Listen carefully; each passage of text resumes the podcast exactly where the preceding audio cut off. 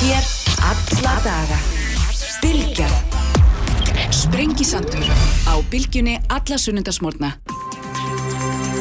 Sælilustundur, þá stað hér á Sprengisandinum þennan februar morgun 13. februar. Margret Júlíanna Sigurðardóttir verður hér í lok þáttarfjöllum þá aðgengi hvenna að áhættu fjármagni sem er nú æfintirlega lítill. Þegar að grantir skoða þau verða hérna Lili Alfredsdóttir, Kristofn Frostadóttir og Daði Mór Kristófesson ætlum að fara yfir efnarsmálum sem melluleitið uh, Jón Gunnarsson og Ardís Anna Kristínadóttir Gunnarsdóttir, Þingmaður Pírata ætla að ræða útlendingamál en sestur í hámið Sigur Hannesson sem er framkvæmtistur í samtaka einarins, ætla blessaður, æminlega, velkomin Sæl, takk. Þið íttu og vör núna fyrir fánum dögum mm, ári grætnar yðnbildingar og þú ætlar að segja okkur aðeins frá, frá til hvers og hvað hva, hva, hvað þið eruð að hugsa og hérna, hver markmiðin er og svona ja, Emmitt, sko græna innbyltingin stendur yfir og hún hófst mm. má vel að segja hún hafi hafist á síðustöld þegar að stjórnvöld eða ríki heims tóku höndum saman og vildu bregðast við breytingum í umhvernu og draga úr losun já, já.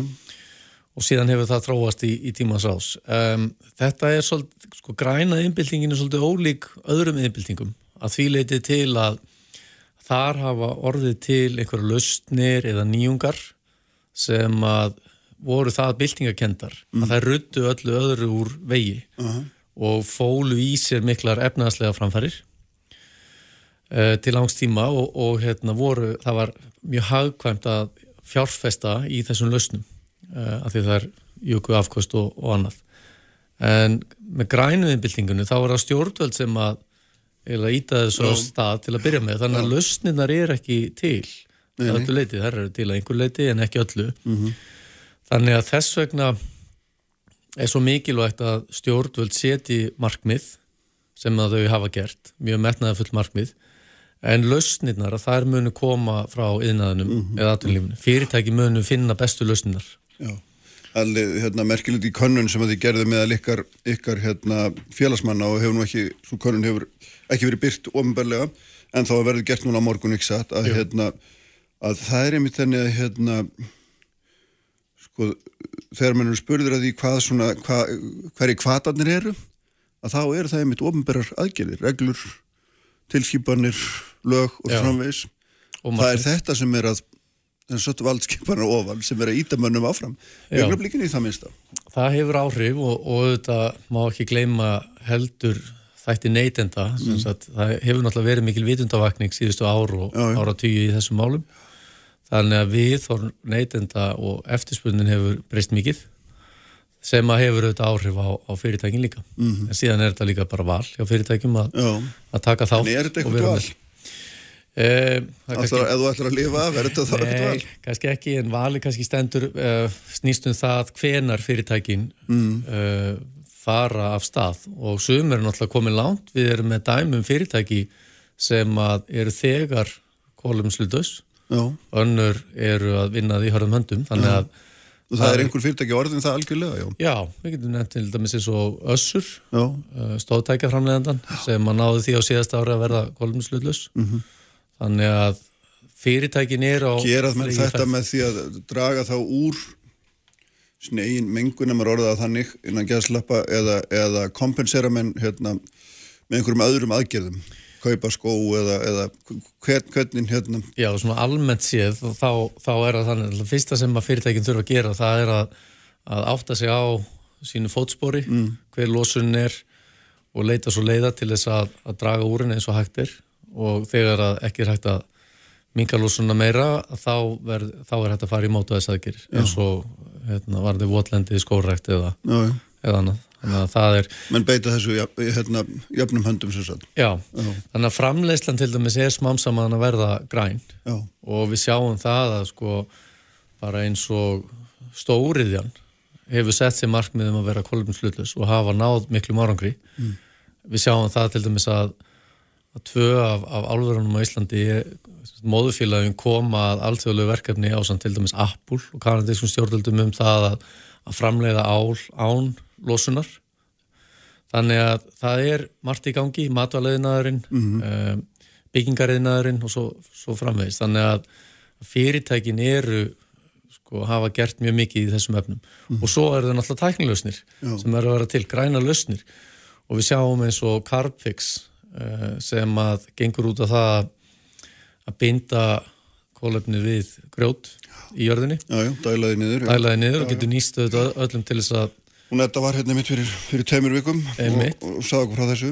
Já, og, da, og í þessum anda má líka nefna það að sko eins og verkvæðistofunar á Íslandi hafa komið að bæði hittaveituverkefnum, jarðvarmavirkjunum og, og vassalsvirkjunum í að minnst okkurstu fimm heimsálum að, og þessi verkefni hafa dreigið úr losun sem nemur held ég fjórum eða fimm sinnum árlegri losun Íslands. já, Þannig að þetta er líka dæmið það hvernig sko, þessi græna yðinbylting elur af sér nýjan yðnað, ný fyrirtæki uh, og nýjar hugmyndir sem að nýtast hér til þess að draga úr losun en líka nýtast til útflutnings til þess að hjálpa öðrum til þess að ná sínum markmiðum. Bakliðin á þessu öllu er náttúrulega að, að til þess að búa til nýjar lausnir og nýta þær þá þartu orku. Já. Og hérna, af hvað miklu leiti er orkuöflun okkar núna þrándur í götu þessar breytinga? Sko það auðvitað fer, fer allt eftir markmiðum og, og stefnu stjórnvalda en, en svo sem Já, bara ef við sjáum stefna- stefnan eins og hún er núna. orkustefna til dæmis sem að koma út 2020 og var runnin í, í hérna, samstarfi þvert á flokka. Já, Það er til dæmis talað um orkuskipti uh, í lofti láðu og leiði og það auðvitað felur í sér að við sem eru gott markmið, við ætlum að hætta þá að flytja inn olju og brenna já, já, og við ætlum að fara að nýta innlenda orkugjáfa. En það auðvitað þýðir það að við þurfum að afla meiri orku til þess að standa undir þessu mm. En þetta er bæði gott fyrir umhverfið en líka efnaðarslegt framfaramál vegna þess að við erum þá að flytja miklu minna inn á orku og ætlum við rauninni bara að hætta að flytja inn orku já, og nýta það sem við erum með hér. En, en þú veist að jafnvel og ég, það hefur ekki verið neinn samstæðum það hvernig, hvar og hvernar menni að afla meiri orku. Nei, það er alveg rétt. Það sem ég er að fiska eftir þegar ég er að tala um hvort að, þið, hvort að þetta sé einhvern meginn þrándur í götu þessar áforma sem þið eru með. Já, sem sagt og kannski ekki bara okkar áforma heldur líka áforma stjórnvalda í þessum efnum en sem betur fyrir er sko ramma áallun þriði áfangi er komin í þingið. Þannig að Það hefur reynda komið þangað ofta áður. og hefur komið ánga áður en, en við líka munum það að, að sko, formenn ríkistjónaflokkana sátu í tvo mánuði að ræða þetta sérlega í þessi mál. Já, áður en að þetta metnaðfulla plagg mm. stjórnarsáttmálinn kom, kom fram. Þannig að þar held ég að þau séu að bóða ákveðna reyfingu á hlutunum en auðvitað þarf að stíga vallega þannig í jarðar. Mm. Það er spurning hvað við eigum að ganga langt en ef við erum að tala um orkuskiptin þá er þetta svolítið áhugavert að hugsa til þess ég heyri til dæmis sögu núna af félagsmönnum mm. núna um daginn sem eru að vinna hörðum höndum að orkuskiptum í fiskimjölsvesmiðum það sem er verið að aftengja rafmagnið já, og tengja aftur olíuna já, já. þannig að við erum sko þannig séð á verri stað núna en við vorum til dæmis fyrir ári síðan já, já.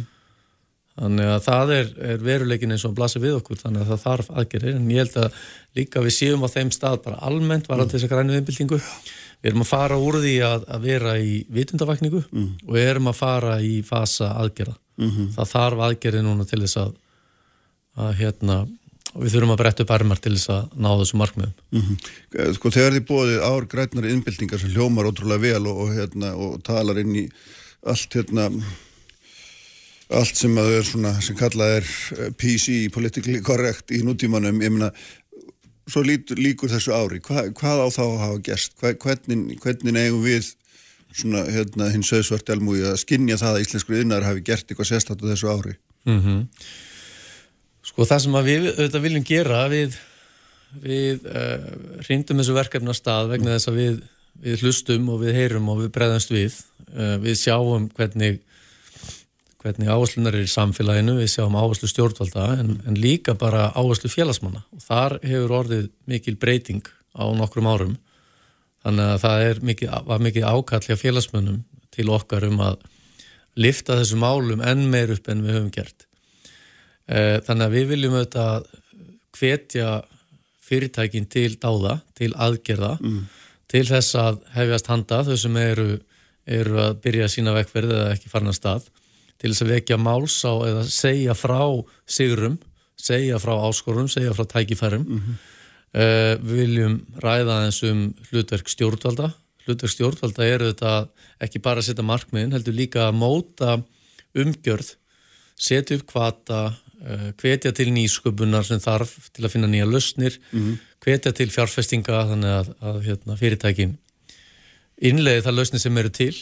Uh, þannig að þetta er svona dæmið það þannig að ég myndi segja eftir, eftir árið þá þetta viljum við að enn fleiri fyrirtæki séu komin á stað Já. og helst öll. En ætlið að mæla þetta með einhverjum hætti? Eða hvernig, hvernig vitið þið hvort að þetta ár skilar einhverju öðru en bara tali? Já, já, já, við þetta höfum gert skoðanakannar meðal félagsmanna og, og svo við gerum það eftir ári líka.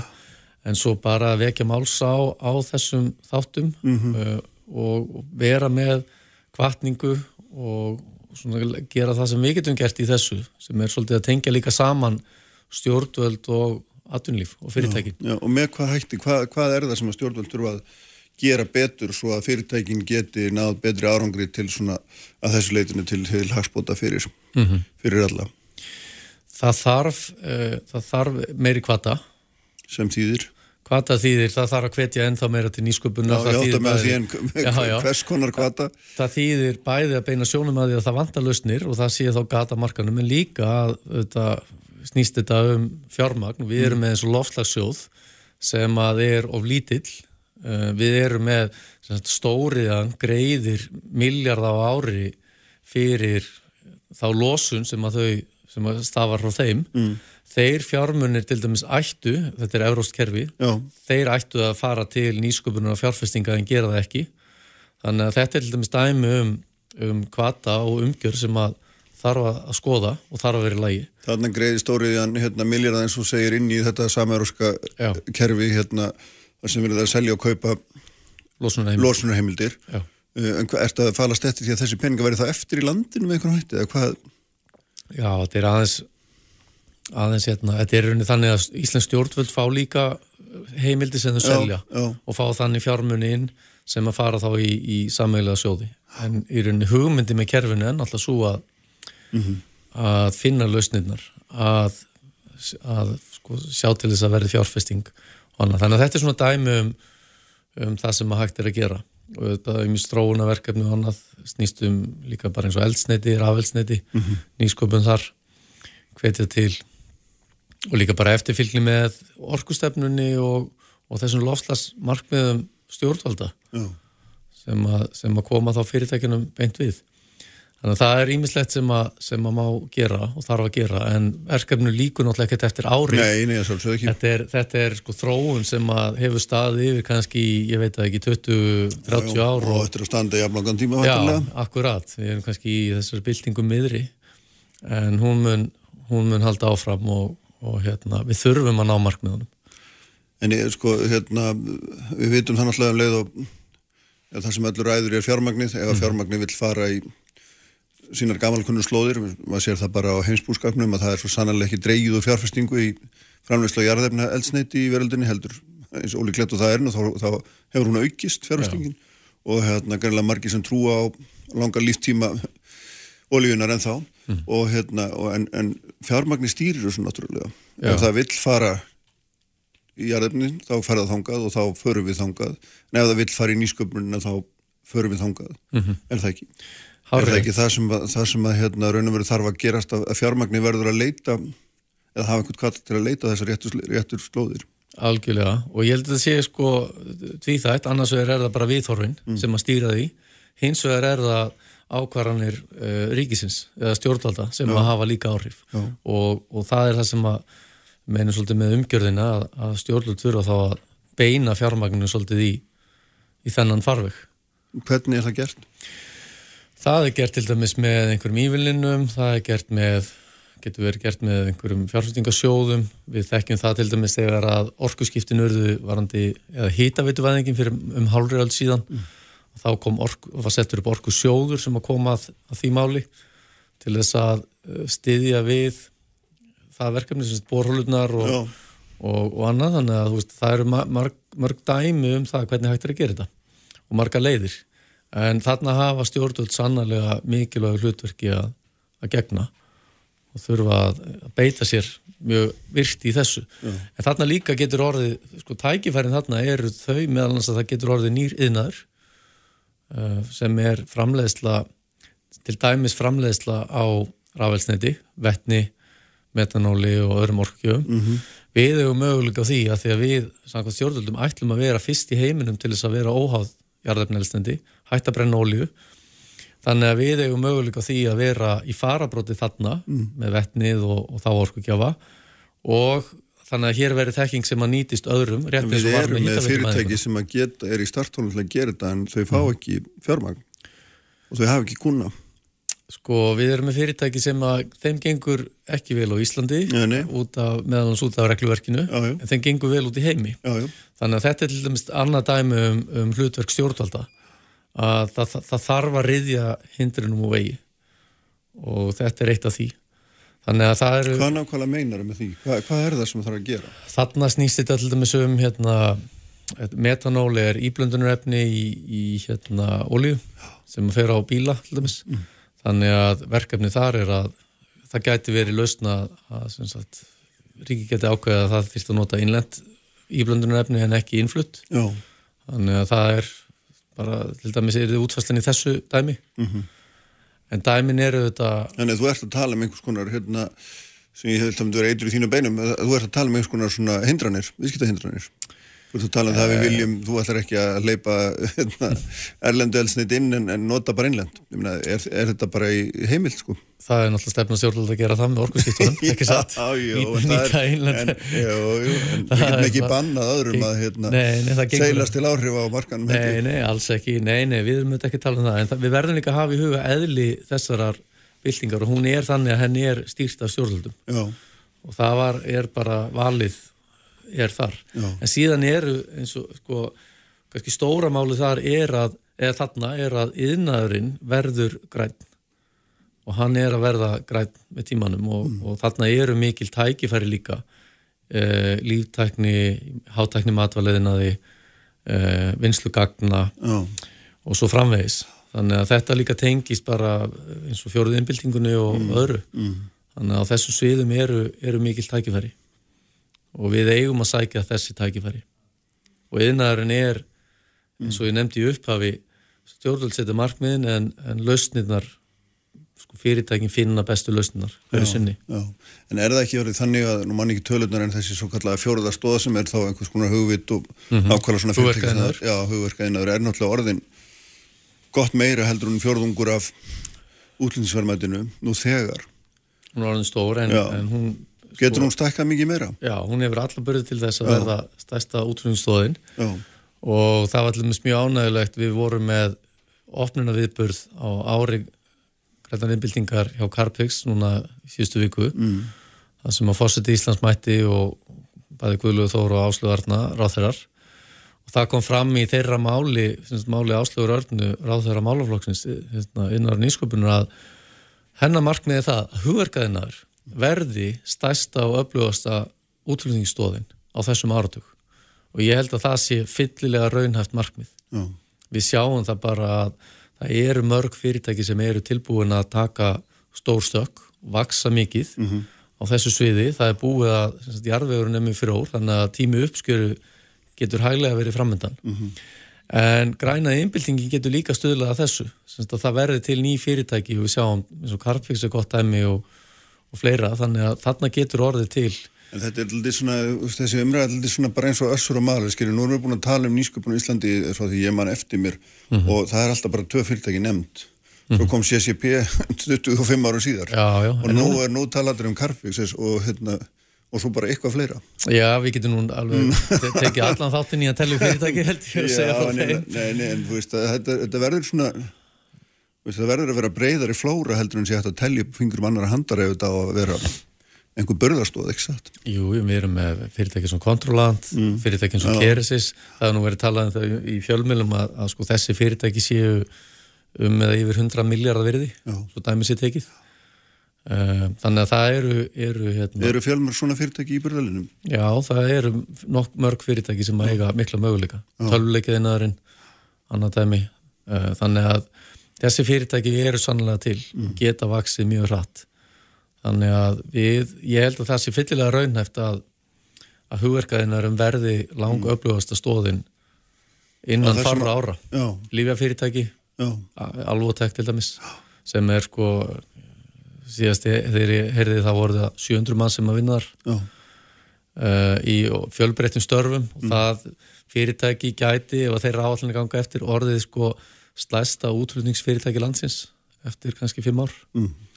þannig að það er mjög margt í, í, hérna, í pípunum en græna innbyltingi mun líka stuðla að, að þessu vegna þess að það þarf nýsköpun og allur heimurinn eru auðvitað að leita að lausnum og Já, já. sko vill fjárfesta og það er allur heimurinn er að hugsa um þetta og, og er í samkeppni við okkur um lausnir, er það ekki? Jú, og er samkynni, en líka allur heimurinn er að beina fjármunu í þessa átt Mhm.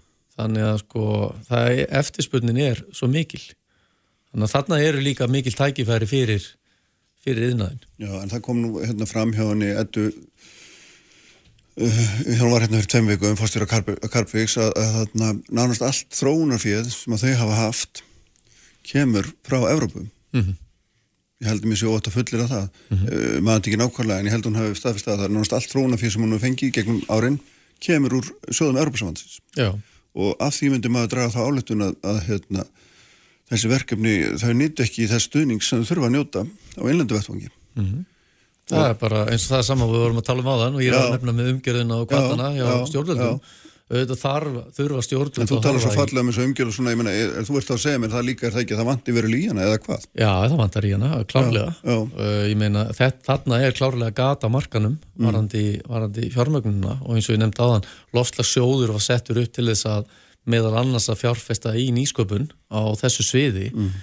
Sko, ég held að hann hafi úr kannski 100 miljónum að spila ári og þannig að segja sér sjálft að það kemur okkur ekki langt. Nei. Þannig að það, Hvað þarf svona sjóður að vera stór til þess að Ég hann skipti einhverju máli? Það að- þarf að skipta einhverju miljardum, er ekki? Jú, ég meina það er bara klárt mál og ef að þetta er sagt, ef að stjórnvöldum er alvara sem að þeim er með það að, Í orði hvernu, í orði hvernig með það að vilja ná árangri í loftasmálum eins og samfélagið við öll viljum þá auðvitað þarf að þurfa hljóð og mynd að fara saman og fjármjörnir þurfa að fylgja með. En ég hef fulla trú á því að þetta muni muni breytast. En þetta er til dæmis dæmi um það sem við viljum segja frá á árunu já, og, og því hvað fyrirtækin er að gera sem hafa verið að ná miklum árangri já. á öllum þessum sviðum. En er það ekki, þú veist, það hlýtur að vera svona, veit ekki, ergilegt eða ótækt jafnvel að, að sko, þessi framsæknustu fyrirtæki okkar með þessar frábæru hugmyndir og, og hérna, hámentaða fólk allstæður utan á heiminu sem kemur heim með þekkingu og einhvern meginn byrjar að malla hér og, og býr svo til stórkostlega hluti að við skulum svo þurfa að sækja um styrki frá Europsamundinu til þess að koma okkur áfram en, en há litla móða hér. Já, ég held að, sko, ég held að það sem svo sem bara jákvætt að, að verkefnin hljóti al, þá alþjóðlega viðurkenningu sem felast í en það, erlendu það er verið að þau noti ekki innlendra við Já, það er bara er, við þurfum að sjá breytingar þar og stjórnvöld hafa mikilvæg hlutverki gegna mm. þar. En eins og ég segi, það er mikil gróska í, í, í þarna tengt grænum í byltingunni. Þannig að ég hlakka mjög til að sjá svona hvernig, hvernig þetta verður. Innþingið okkar verður 10. mars og þá ætlum við að gera þessu betri skil, en betri skil. Félagsmenn koma og segja sögur af sigurum, Já, áskorunum og tækifærum. Við ætlum að ræða líka við, við hérna, ráþeirana um, um hlutverk stjórnvalda þessum efnum. Að, og svo munum við bara halda áfram að, að svona láta til okkar taka í þessum málum. og þínir, þitt fólk er allt saman fyrir á flammið um að keira áfram þessari brauðgrænilega. Já, algjörlega. Það er mikil, sko, við fundum fyrir mjög sterku ákalli frá félagsmönnum um að lifta þessum málum upp og við hefum fundið líka fyrir mikil ánægi með þetta framtaka við skildum setja já, hva, hvað ég segja, vera með svona grænan þráð í okkar starfsemi á árunu og, s- og, og það eru þetta þráður sem að atvinnlífið er að spinna á hverju mennasta degi. Já, já, nákvæmlega. Herðu, það verður frólægt hérna, að fylgjast með þessu. Sigurður, takk fyrir að koma. Takk sem leiðis. Jón Gunnarsson, Ardís Anna, Kristín Dóttir Gunnarsdóttir verða hér eftir stuttastund. Sprengisandur á bylgjunni Spretta frétta á Sprengisandi á bylgjunni Sælir aftur, hlustendur góðir, uh, Sigur Hannesson farin frá mér. Uh, Marget Júlíana Sigurðardóttir verður hér í lók þáttar þau verður hérna líka Lili Alfersdóttir, Kristún Frostadóttir og Daði Már Kristoffersson uh, ræðum efnarsmálinu sestur í hjá mér Ardís Anna Kristínadóttir Gunnarsdóttir sem er þingmaður Pírata og Jón Gunnarsson Dómsmálaráþurra, innanríksráþurra heitir hann á vist formlega er það ekki orðið? Dómsmálaráþurra. Dómsmálaráþurra, nú já. Ég er nefnilega stál þessari kynningu frá kollegaðinu Bryndísi, hún kallaði innanríksráþurra en það er svolítið greitt. Það er búið að breyta því. Það er búið að breyta því aftur. Já, herðum, Dómsmálaráþurra. Herðum, ég langaði að ræða eins við ykkur eiginlega svona, hérna, mál sem hefur verið í umræðinni, það er, það er þessi ríkisborgarréttur og eins er það þessi þjónusta við, við hælisleitundur, þessi talsmanna þjónusta, þetta er svona einhver staðar, einhver kristallast í einhverjum svona útlendingamálum, getum sagt það, og hérna, og einhver pólitík er á bakvið allt og við erum aðeins að reyna að finna út úr því hvaða, hvað er á segði, þetta hefur aðeins að hörð deila á þinginu það, hvað er, hvort að hérna, ráð þeirra farið réttað og útlendingastofnun leini þingi gögnum og og hvort að menn fá einhverja VIP meðferð með því að sækja um ríksborgarrétti gegnum þingi, þetta er allt saman mikil stjórnsýslu torf eitthvað með hérna, Artís, þú hefur verið mjög gaggrínin á ráðurann á útlendingastofnun á þennan ferilallan segði mér aðeins hvað það er sem að hvað það er sem að hérna, þið finnst rámt? Uh, já, ég hef verið ansið gaggrínin það sem að gerðist núna, það er þess að þannig að ríkisborgarréttur hann er veittur annars væri gegnum alþingi mm. Uh, og síðan er hægt að fara líka gegn stjórnsýslu meðferð hjá útlendingastofnun eða fólku uppfyllir skilir uh, Alþingi hefur verið afgreðað þessar umsóknir tvísvara ári og leiðbenningar gefnar til umsækjanda um það. Þessu afgreðar, það er ákveðin umsóknarfrestur og það eru afgreðar í mæjúni og síðan í desember. Það sem að gerist núna fyrir jólin var það að þegar uh, þingilóksis kemur saman og skipið er nefnd sem á að fara yfir þessar umsóknir þá kemur í ljós að þær eru ekki tilbúnar og skýringin sem gefin er, er svo að uh, útlendingastofnun hafi ákveðið og, og mm. í skjóli ráðuneytisins að breyta meðferð þessar umsókna, breyta sí, sínu vinnubröðum uh, sem er náttúrulega gríðalega óheipilegt vegna þess að það uh, hefur áhrif á vinnu þingsins, þá getur þingið ekki unnið þessar umsóknir eins og það hefur gert hinga til. Mm og ég hef verið sérstaklega gaggrinnin vegna þess að það hefur, við töldum að þetta væri eitthvað sem væri hægt að leiðra þetta bara og það, þannig leytið út í fyrstu og við myndum fá umsóknirna fyrir fyrsta februar en það var mikil dregða, það var mikið og, og er enn, er enn en fáum við ekki þessu gögn sem við þurfum til þess að klára. Þessast hópur af fólki búin að sækja um ríkisborgarétti gegnum alþingi Já. og gögnin sem að, að því, líta, því lúta eru hjá útlendingastofnun og fasteginni þingi, er þetta, er þetta rétt skilji? Þetta er rétt skilji og þetta eru sérst umsóknir sem komið fyrir 1. oktober, núna mm -hmm. síðast, sérst umsóknarfrestur var 1. oktober með þeir leipilingum að þeir eru, eru afgriðtar í desember. Já. Það hefur ekki tekist ennþá og er ennþá óljóst hvenar okkur mun takast að gera það. En eða fólki sittur bara og býður á meðan og hérna, af hverju er þetta svona, Jón, er þetta ekki... Þetta ásið nú... Uh, Já, ég veit þetta ásið langa sög. Já, þetta ásið nokkra fórsögu, sko. Og uh, þegar að þessi lög voru sett á sínu tíma, þá var nú svona uh, reiknað með því og lagt upp með það að, uh, að umsagnir, umsagnir, umsagnir færu til allþingis væri svona frekar undatekning. Megin reglan væri svo að fólk væri bara í gegnum þessa stjórnstíslu leið og fyrstu mm. þau skilir sem að koma fram í lögum en það væri hægt að sækja um til allþingis og allþingi getur auðvitað sett lögum þar sem að það vil og þar á meðal ríkjaborgar einstaklinga og uh, það voru viðræður síðan þróast málum með þeim hætti að af þessum fjölda umsókna uh, fer þetta úr því að vera þarna bara einhver starf innan við 10% mm -hmm. sem er að berast til alltingis og það var unnið bara svona jafnóðum að tekja alltaf framfyrir og hafði ekkert áhrif í raun og heldar afgræslutíma umsókna. En svo var þetta 2020 komið bara í yfir 40% þar að segja að fólk var bara farið að sækja um beint til alltingis yfir 80% af því fólki einstaklingu sem þar voru að sækja um hefðu fengið ríkisborgarar rétt á lokum í gegnum hefðbundna ferlið Þannig að þetta eru tvær leiðir, þær fari gegnum sömu stopnunni raun og veru þó að er endi annars vegar hjá alþingi og hins vegar í þessum svo kallega stjórnsýslulega ferli. Þannig að þegar að hlutvalli var orðið svona hátt, mm. þá fór það að gerast að að þessar umsóknu voru alltaf teknar og ágreitar uh, framfyrir, að þá fer að lengja... Af hverju var það gert? Já, það er bara af því að þetta voru það fáar umsóknir, að það var bara þessi umsóknar frestur settur og, og svo var það bara tekið og ágreitt. Mm -hmm. En þegar þetta er orðið svona mikið hlutvall þá hafði þetta áhrif að fólki sem var bara að sækja um eftir eðlugum leiðum afgræslu tími þess lengtist og var orðið átjón mánuði. Mm -hmm. Við þetta gerði umbúrsmaður alþingis aðtúasendir og uh, á grundvelli þess hófust viðræður millir áðuneytisins og alþingis og nefndarinnar uh, og, og brefaskriftir og fjórða og síðasta brefið út af því fór til alþingis í júni fyrra þar sem að það var greint frá því að nú er þið vinnulagi breytt, mm. nú eru þau bara allar umsóknir afgreitar í þeirra röðsunar koma. Alþingi getur fengið umsóknirnar, fær þær, það sér hvaða einstaklingar eru undir, það getur skoða allar umsóknirnar, þetta er spurning um öflun, gagnaöflun stofnunarinnar fyrir mm -hmm. uh, alþingi sem að varða svona eins og sakaskrá upplýsingar frá löguruglu og svo framvist þetta sem, ja. sem að stofnunarinnar meðan, meðan við sitjum hér og korpum þetta hérna millir nefndar og ráðnindis og ráðherra og stofnunar að þá situr fólk og býður afgjörðslega sko, mála því það skiptir máli fór ríkisborgar ég til dæmis að þú allar í ferðalega ekki setja það ekki til dæmis en, en sko bara svo ég klárið það sko, veist, það er alveg rétt hjá þér. Það það en með því að breyta þessu vinnulagi mm -hmm. þá erum við búin að koma ágæðslutíðumannum úr 18 mánuðum hjá þessum að lengst út að býða niður í 6 mánuði uh -huh. það þýðir það að umsóknirna sem að bárust þarna fyrir, fyrir mánuðamot september og oktober, þeim verður allan lokið í mars, hluti af þeim er þegar komin og alltingi getur mm -hmm. tekið það og klárað en, en hérna við teljum okkur ekki fært og, og í raun bara gagstætt lögum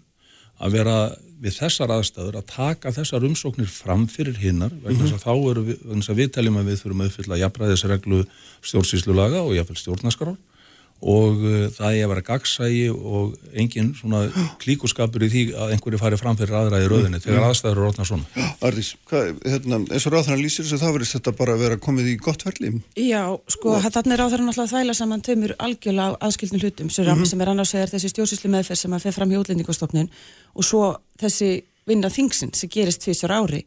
Það hafa verið uh, viðræður á uh, ráðnitis útlendingastofnunni í mörg ár varandi það hvernig er hægt að breyta ferlinu. Mm -hmm. uh, og, en þær hafa ekki búið árangu, það hefur ekki komið niðurstað og það sem að gera þetta kannski enn alvarlega er það að þær hugmyndi sem hafa komið frá útlendingastofnun þeim hefur verið beilinins hafnað af þinginu. Og það sem að gerist þarna er að stjórnvöld eru einhliða að ákveða hvernig þingið á að vinna þetta. Það er ekki þannig að þessar umsóknir séu settar framfyrir, það er bara, bara ekki rétt nálgun á þetta vegna þess að þetta eru tvö ólíkverðli það eina sem útlendingastofnun þarf að gera til þess að alþengi getur unni sína vinnu sem alþengi búið ákveð að gera tvísvar ári mm -hmm. er að undirbúa ákveðin gagn, útbúa ákveðin gagn það er ekki um afgriðslu þessar umsóknar að ræða.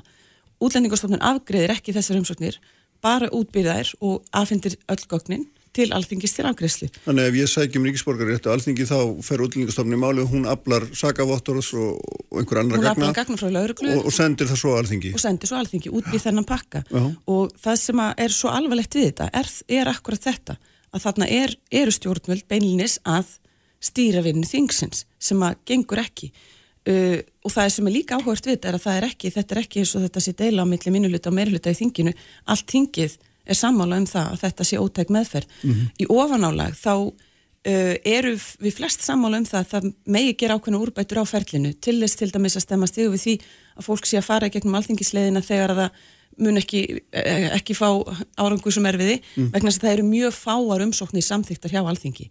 Það er fjölga umsóknum, það er rétt en uh, og að einhverju leiti vegna þess að málsmeðferða tímin ára svo langur hjá útlendingastofnun en þeim umsóknum er hafnað þeim einstaklingu sem geta farið í gegnum mm. stjórnsýslu meðferðina þeim er hafnað alþengi Nei, er ekki best að allir dæmis... fari bara sömu leiði er það, er, ég menna svona bara utanfrá síðan þá, finnst manni það að bara, þetta er bara leiðin og það er náttúrulega það sem að ég held að margir, margir vilji Já. og sé kannski svona, uh, kannski hérna það sem að nýfurinn stendur í kúni uh, ástæðan fyrir það er náttúrulega þannig í stjórnaskráni samkvæmt stjórnaskráni þá er það alþingi sem veitir ríkisborgarétt með lögum. Já. Þessi stjórnsýsli meðferð, hún var í rauninni uh, henni var komið á til þess að létta undir með þinginu og það gerir þetta líka svolítið áhugavert að það séu stjórnvöld sem eru að reyna að breyta einhverju að, að, að, að eigin sög til þess að létta undir meðal annars með þinginu en það er ekki þingi sem er að kvarta mm. en mér langar að taka fram, til dæmis það voru í fyrra, þessast af síðust, síðustu afgriðslu þá sóttu 109 einstaklingar um til alþingis og 15 fengu ríkisborgarétt í gegnum alþingi. Mm -hmm. Þessir einstaklingar sem alþingi er að veita ríkisborgarétt eru einstaklingar sem gerðnan munu aldrei geta uppfyllt skilirði þau sem að þarf til þess að fá ríkisborgarétt í gegnum útlendingastofnun Uh, þetta eru einstaklingar sem uppfyll ekki búsutu skilir vegna þess að þetta er til dæmis makar diplomata sem er að flytja fram og tilbaka á melli landa eða kannski íslensk börn, tala íslensku og allt eða hafa ekki lært íslensku að því er ekki búsutu í Íslandu og uppfylla þar með ekki skilirðin mm. og þetta eru einstaklingar sem að munu aldrei uppfylla skilirðin mm -hmm. og þá hefur þótt nöðsilegt og Ég held reyndar að flesti séu sammála um það. Það þurfa að vera einhver leið til þess að meta umsóknir í hverju einstaklingsbundi tilviki. Mhm. Og mér langar líka varandi það að nú erum við búin að fá, við erum búin að fá umsóknir, umsóknirna sjálfar Já. til þingsins. En við getum ekki afgreitt þetta. Við getum ekki afgreitt þetta nema við ætluðum bara að fara að pikka út einhvern upp sem við þekkjum.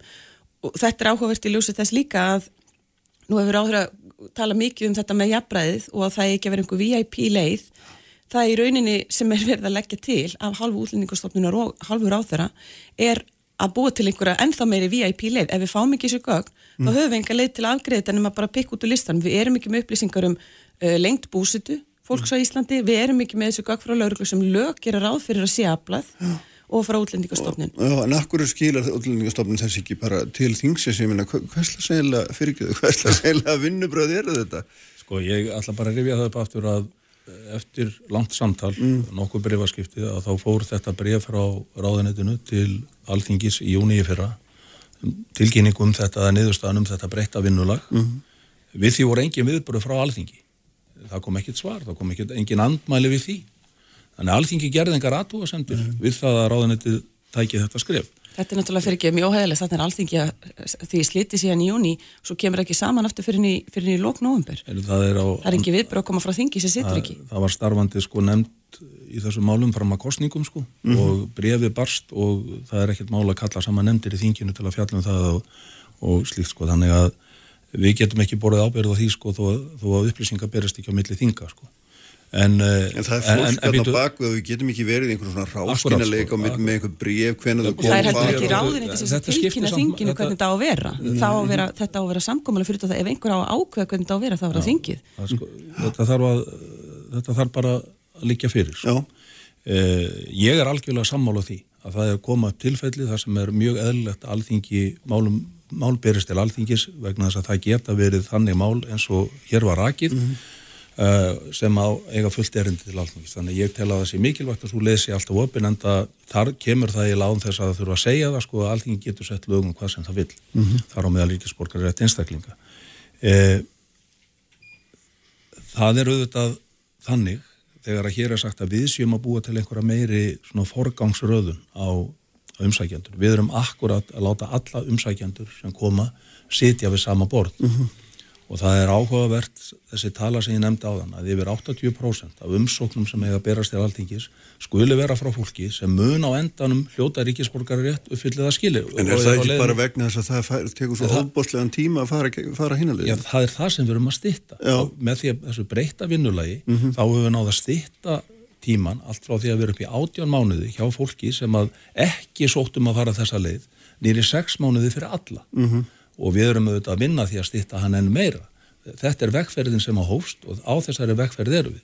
Og með því að fara aftur að vinna í einhverju umfram aðgerð þessar umsóknir sem eiga að berast til altingis að afla upplýsinga um þær og setja hinnar á klaka á meðan þá mun þessi hali fara lengjast hversu sangjant er það gagvar þeim sem eru bara hér stattir eru búin að búa hérna, eru fartir að uppfylla skilirinn og eru að sækja ríkisborgari er þetta jafnbræði sem að við kollum segjum að eiga að gilda um alla umsækjendur hvort sem að umsóknir er að fara til alþingis eða fara Það geta allir stjórnsýsluleiðina sótt um til alþingis. Það er ekkit ójabræðið þannig. Það hafa allir aðganga báðum leiðum.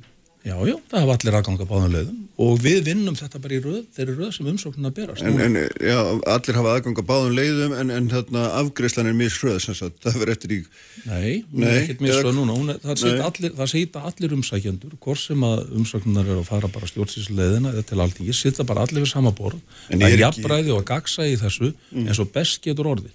Þetta var Þeir eru aðskilin að, þetta var mjög óeðlilegt að þeir sem að voru bara sækjum eftir hefbunduleiðum voru alltaf settir á ís og hinn er teknið framfyrir.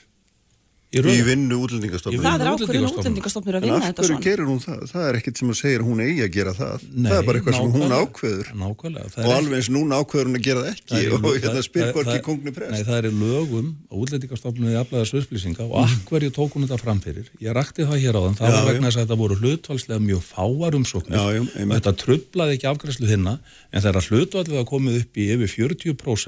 trublaði ekki afgræslu hinna en þegar hlutvallega var komið upp í yfir 40% þá var það farið að trubla svo hinna og við það gerðu umbósmaður alþingis aðtóasendir þannig að við ákváðum að fara að gæta alls jafnbræðis í orð, þessu. orðspor útlendingastofnun er náttúrulega líka svolítið svo hún fer sínar eigin leiðir og hefur gert það mjög mikið. Ég ætla nú bara að taka hér til varna fyrir þessa stofnun sko og, og hérna og uh, hún er útmálu hér sem ekkert, ekkert hérna ómanneskjulegt uh, fyrirbæri sko og uh, ég bara hef sagt það og sagði það við þingnefndina sem að beinir gaggrinni sína að stofnuninni að beina því ekki að starfsfólkinu þar heldur að mér sem ráþæra sem er ábyrða þessu málaflokki og stofnunin vinnur í mínu umbóði og stofnunin er bara að fylgja þeim lögum og reglum sem að eru settar í þessu landi ekkert öðruvísi.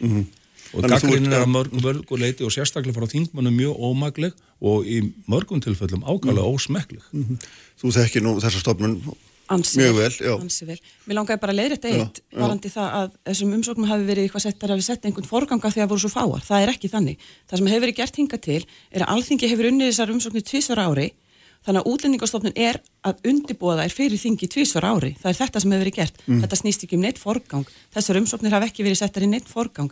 Það sem síðan gerist afleðingar voru að samt þær að, að hýna sem sem, ekki var verið að vinna tímalengdin á þeim lengdist sko. það, þetta er bara ákvörðu sem útlendingastofnun tekur um það hvernig hún vinnur í stað þess að fá fleiri í afgræð umsóknir og gerir, þetta er sikkvort ferlið, þetta er sikkvort vinnan. Það sem gerist er það að uh, málsmeðferðartími verður svo langur hjá útlendingastofnun og þá fer fólk að sækja í alþingisleðina sem það græða ekki á. Það er enginn að fá forgang, forgang þar. Þær umsóknir eru ekki unnar hraðar vegna þess að alþingi hafnar þessum umsóknum. Þetta snýst ekkert um jafnbræði. Þarna er hæstutur á þeirra með fullri virðingu að slá ríki í augu almennings. Nei, varðandi er ekki fyrir því. gera það. Það sem er að gerast þarna er það að ráðherra og útlendingastofnun hafa ákveðna skoðanir á því hvernig þetta ferðlega á að vera. Þingið hefur ekki verið sammála því og þá er farið þessi leið að bara ákveða það einlega hvernig þetta á að vera. En það er þingi sem stjórnar í hvernig það vinnur. Það er, mm. það, það er kjarni málsins hérna. það, er, það er alveg hárétt og við erum ekki að skipta okkur að því hvernig þingi vinnur sko. Við getum ekki unnið það- þessar umsóknir. Nei, það, það, það er það, já þið geti gefið uh, hverjum sem er sko ríkisborgari rétt með lögum en, en hérna við eigum að vinna útlendingastofnun ásangvært lögum að vinna ákveðna, að ákveðinu upplýsingu öflun. Það er ekkert sem stendur í lögum um það að það er að taka umsóknir sem hefur berast til alþingis og vinna þær eitthvað hraðar heldur en, heldur en aðrar umsóknir. Enda það Það er áhugavert að skoða það hlutfall sem að berst á síðustu metrum fyrir þennan svo kallaða uh, umsóknar frest. Það er mjög stórt hlutfall sem að er bara fólk sem er nýbúið að sækjum. Bara nýbúið að sækjum ríkisborgararétt. Og við hefum þá að taka allar umsóknunar, 130 umsóknir, nei 170 umsóknir sem bárast fyrir uh, 171 umsókn sem barst fyrir mánamót ágúst-september. Nei, hérna september-oktober við höfum að taka þær þá um leið og þær koma til að klára þær fyrir áramót og vinna þær allar og setja þá allt hitt á ís á meðan. Þannig að við tökum þær bara og setjum þær inn í ferli. Þess vegna eru þær svona seint í, í ferlinu, þessu sex mánuða ferlin við erum búin að ná þessum afgræslutíma úr átján mánuðum fyrir þá sem er lengst upp að býða niður í sex mánuði. Eh, Með því að bæta 170 umsóknum í bunkan. Hvernig, hvernig hraðast máls afgræslutímin með því að bæta umsóknum í bunkan. Þetta er að sé Ég skilja vinnan er svo sama þessi greiningar vinna, þessi gagnaöflun er svo sama hvort að er umsækjandin það er að fara í gegnum stjórnsýsluleiðin eða til er það er þá alveg sama að vinnan við hverja einmitt, umsókn. En hvað er það þá sem gengur svona mikið hraðar núna? Er, ég sko, meina, það, þegar, að, þegar að hlutvalli var að vera áttamáði þetta er flókið sko, en þegar að hlutvalli var orðið svona hátt já, að það voru að berast sko, eins og núna allt upp í 170 umsóknir já, eða yfir 170 umsóknir að þá hafði það svo mikil áhrif á hinar umsóknir sem voru í eðlilegu ferli að þú, við gátum ekki lengur. Ef þetta voru 15, 10, 15, 20 umsóknir þá hefði það ekki, og við tækjum það og innum það fyrir áramót að þá, þá hefði það ekki svo mikil áhrif á allan hilda fjöld Nei, en betur, ég veit ekki, þetta er kannski árið mikið smásmögu, en ég meina, þegar þú sækir um til alþingis, þá, þá þarf þetta að skilja einhverjum ákveðnum gögnum og vantla þarf þetta að gera bara nákvæmlega sama í gegnum útlendingastofnun, þetta er allt saman sömu gögnin, ekki satt? og það er alltaf sömu er Já, en ég mig ekki á því hvað, hvað, hefur styrst á þessum tíma ef að hérna með því að færa þetta, færa gögnum frá alþingi og inn í útlendingastofnun og það hafi málsmeðfæratíminn styrst um, um tvo þriðju. Ég bara, nei, nei, al, útlendingastofnun hefur alltaf verið að vinna þessa upplýsinguöflum Já, fyrir þing umsóknunar og uh, er bara þegar að fjöldin er orðin svona rosalega mikið Mhm. að þá hefur það svo Ertu mikið að meina áhrif þá á að þær hefði ekki komið annars? Til, Jú, jú, er auðvitað komið en, en það hafði alltaf vaksandi áhrif á það eins og ég saði sko, Já, það voru já. orðin yfir 40% 2020 Já. og þá þýtti það það að fjöldin var orðin það mikill að aðrar umsóknir byggð á meðan og afgræslutími þeirra var svo langur að við þetta gerði umbústmaður aðtúasendir. Já, já, já. Þess vegna fara menn að skoða það hverju Ég, ég skil þetta Jón, en ég skil bara ekki alveg hvernig, þú er ekki skilt nú vel fyrir mér hvernig málsmeðfra tíminn hefur styrst svona gríðarlega mikið Með með það að þetta er allt saman sama vinnan. Já, sko. Og bara- og nákvæmlega sama vinna, alveg frá upphafið til Jú, það, það, það, það er þannig að sko, það er umsóknir sem að það er umsóknir sem að e, sko, þurft að býða, býða lengst. Það eru margar afgreitar á skemmri tíma Aha. en þeir sem þurft að býða lengst af því að þetta var tekið framfyrir og tók svo mikinn vinnuafl hjá stofnuninni átaka, þá, þá dróust þær svona langt aftur og það bara hlutu umsóknina sem var svona gamall orðin, en það var auðvitað óasættilega fyrir það fólk. Já, og þetta kalla ég að fara ákveðna VIP leið í kerfun og það er ekkert í lögum sem hveður á um það að það er að forgangsraða vinnu við umsóknir sem eiga að berast til alþingis en það er í lögum hvaða vinna á að vinna fyrir alþingi Er hérna, finnst þér að vera einhver pólitík í þessu, útlendingapólitík? Ég held að það sé sannarlega. Það getur ekkit annað verið vegna þess að þær skýringar sem hafa verið gefnar, þær eru, þær, þær eru ekki í, þær, hvað ég var að segja, make ekki sens. Mm -hmm. nú, maður passar að segja slett ekki, maður ekki slett upp í punktu í, í alþingi. uh, og þá veldur maður fyrir sig hvað er þarna baki. Við svo sem vitum ekki, við getum ekki fullista, við getum ekki þess að, þess að vita það fyrir víst. En það er eitthvað annað en þetta. Og það er, það er ágreiningur þarna um, um, um afgjörslu þessar umsókna og í umræðinu um þetta koma upp alls konar hugmyndir um það að alþingi eigi nú bara ekkert að vera að skipta sér að þessu ferli. Og það vekur upp grunnhjámanu um, það, um að þetta snúist um eitthvað allt annað en það. Og að tala um jafnbreiði í þessu Þrengja sambandi leiðað ríkisborgarétti, er þetta í rauninni minka aðkoma alþingis að þessum umsóknum. Alþingi hefur náttúrulega algjörlega frjálsar hendur og það er rétt sem að ráð þeirra segir. En það sem að hefur komið mér mest á óvart og, og ruggla mér í rýminu, það er það að á móti, til þess að koma til móts við þingið sem vill afgriða þessar umsóknir núna, hefur verið að stinga upp, hafa þau verið að stinga upp á því að við pikkum út einhverju umsóknir á listanum. Ég þekki ein, einstaklinga á þessu lista. Ég hef unnið með fólki sem er á þessum lista áður og þekki aðstæður þeirra og veit kannski hverjir ættu að fá ríkisborgararétt. En svo eru hundraði viðbúta á þessum lista sem ég hef ekki hugmyndum vegna þess að ég fæ ekki gögnin. Og það er verið að bjóða okkur að taka í rauninni að búa til raunverulega VIP leiður þessu. Þannig að það er fullkomin mótsögn. Það er fullkomin mótsögn í þeim tillögum sem við erum að fá. En hver, hver raunverulega ástæðan þetta er náttúrulega bara stjósíslan að reyna að stýra vinnu alþingis og það er ekkit annað. Og það er kjarti málsins og það er bara mjög alvarlegt mál. Sko það er engin útlendingapólitík í þessu. Nei. Þessar breytingar sem við búið að gera á vinnulagi varandi þessar umsóknir eru í þáu umsækjanda það er í þáu þess að raða heldar umsóknarferlinu gagvart, að, að jöfnu gagvart öllum að það siti allir umsækjandu við sama borð. Það getur ekki kallast einhver and útlendingastefna að vera að vinna því að raða málsmeðferð og auka skilvirkni í kerfinu. Það er í þáu umsækjandana þannig að sko að reyna að halda því fram og reyna að bendla þetta við einhverja útlendingapólitík eða anduð á því að útlendingar komi hér til lands það er nákvæmlega akkurat kannski frekar í hináttina mm. að við segjum bara allir sem sækjum, það er öllum heimilt að sækjum þeir fara bara í gegnum sama ferli sama sömu skoðun og síðan geta fara ákveðnum umsóknum til alþingis alþingi tekur afstöðu til þeirra ég er, eins og ég saði þér áðan, hlindur því að svo leið verði opinn en það þarf það eiginlega ekki að standa í lögum vegna þess að alþingi getur sett lögum hvað sem er og þar á meðal ríkisborgararétt einstaklinga og, og hérna og við, það eru meira þess að dæmum flýti meðferðir í, getum nefnt Fischer hér 2005 Já, já, og fleiri já. atriði fjölskyldu frá Albani og svo framvegi sko.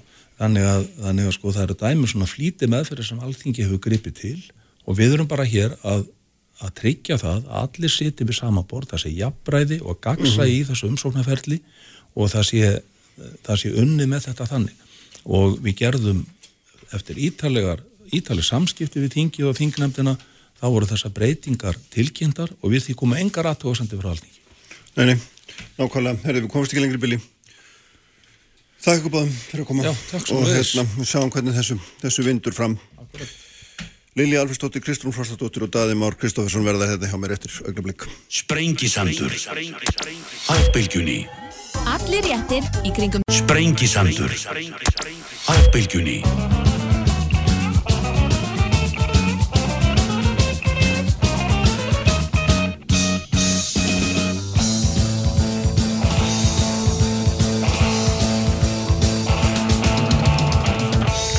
Sælir afturstundur haldum við hér áfram setni klökkutíman í dag hérna á Sprengisandunum. Uh, Margret Júlíanna Sigurðardóttir verður hér í lokþáttar uh, en sestur hjá mig Lilja Alfersdóttir, Kristrún Frostadóttir og Daði Már Kristófersson.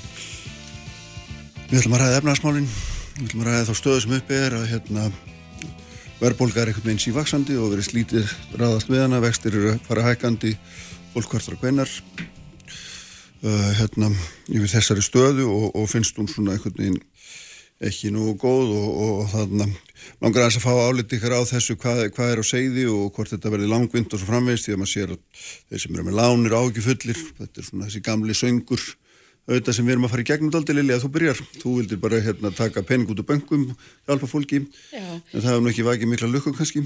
Jú, hjá mjög mörgum, ég get reynda sagt ykkur það að, að hérna, fjöldi, fjöldi, fjöldi, fjöldi, fjöldin hefur haft samband við mig og mm. þeim líst mjög vel á þetta. En það er ekki kannski samráð en- en það er ekki- er það? Já, það er kannski ekki, ekki bankamennir og þessi stjórna böngunum.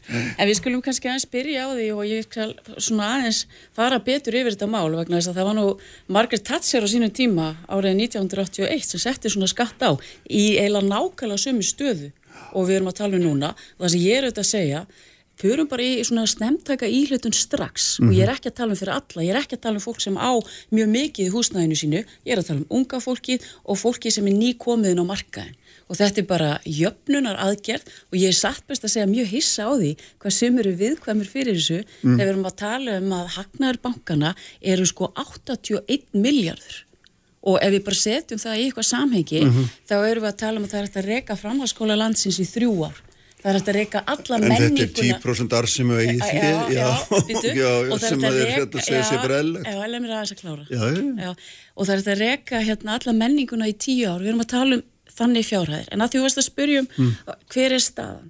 Staðan er þetta svo að við erum að sjá verbulgu tölur í bandaríkjónu sem við höfum ekki séð í ára tugi, 7,5% og þetta er auðvitað það sem er eh, að valda miklum áhyggjum, Eh, það er eh, Sæðlabanki bandaríkjana, hann þykir vera eftir á og hann hefði ekki farið í það að hækka vexti eins og hann hefði átt að gera fyrr eh, hvað þýðir þetta? Þetta þýðir þetta bara óvisa er að aukast og það er ekkit ólíklegt að við munum sjá enga neyslu í bandaríkjónum dragast saman, við munum sjá minni hagvöxt á heimsvísu og svona versnandi horfur. Hef ég áhyggjur af þessu til lengri tíma? Nei. Hef ég hef áhyggjur af þessu til skamstíma? Já, við munum sjá vexti hækka og þess vegna hóf ég einmitt þessa umræðu um, um bankakerfið sem er að skila miklum afgangi. En það sem ég held að muni gerast núna í, í kjölfarið eru þetta, fólk lítur inn á við. Uh, við sjáum að okkar sælabanki var að hækka vexti en verðbólgan hér, hún er fyrst og síðast knúin áfram á húsnæðisliðnu Já, íbúa verð á höfuborgarsvæðinu En þó ekki er- eingöngu. er- Já, íbúa verð á höfuborgarsvæðinu er búið að hækka um 18,4% á milli ára já, einmitt. Nú mun Kristrún segja, eins og hún hefur sagt svo oft, þetta sagði ég ykkur fyrir ári að myndi gerast, eða tveimur, ekki satt? Jú, Já, nákvæmlega. Og meiri Já. segja hér fyrst, held ég, bara.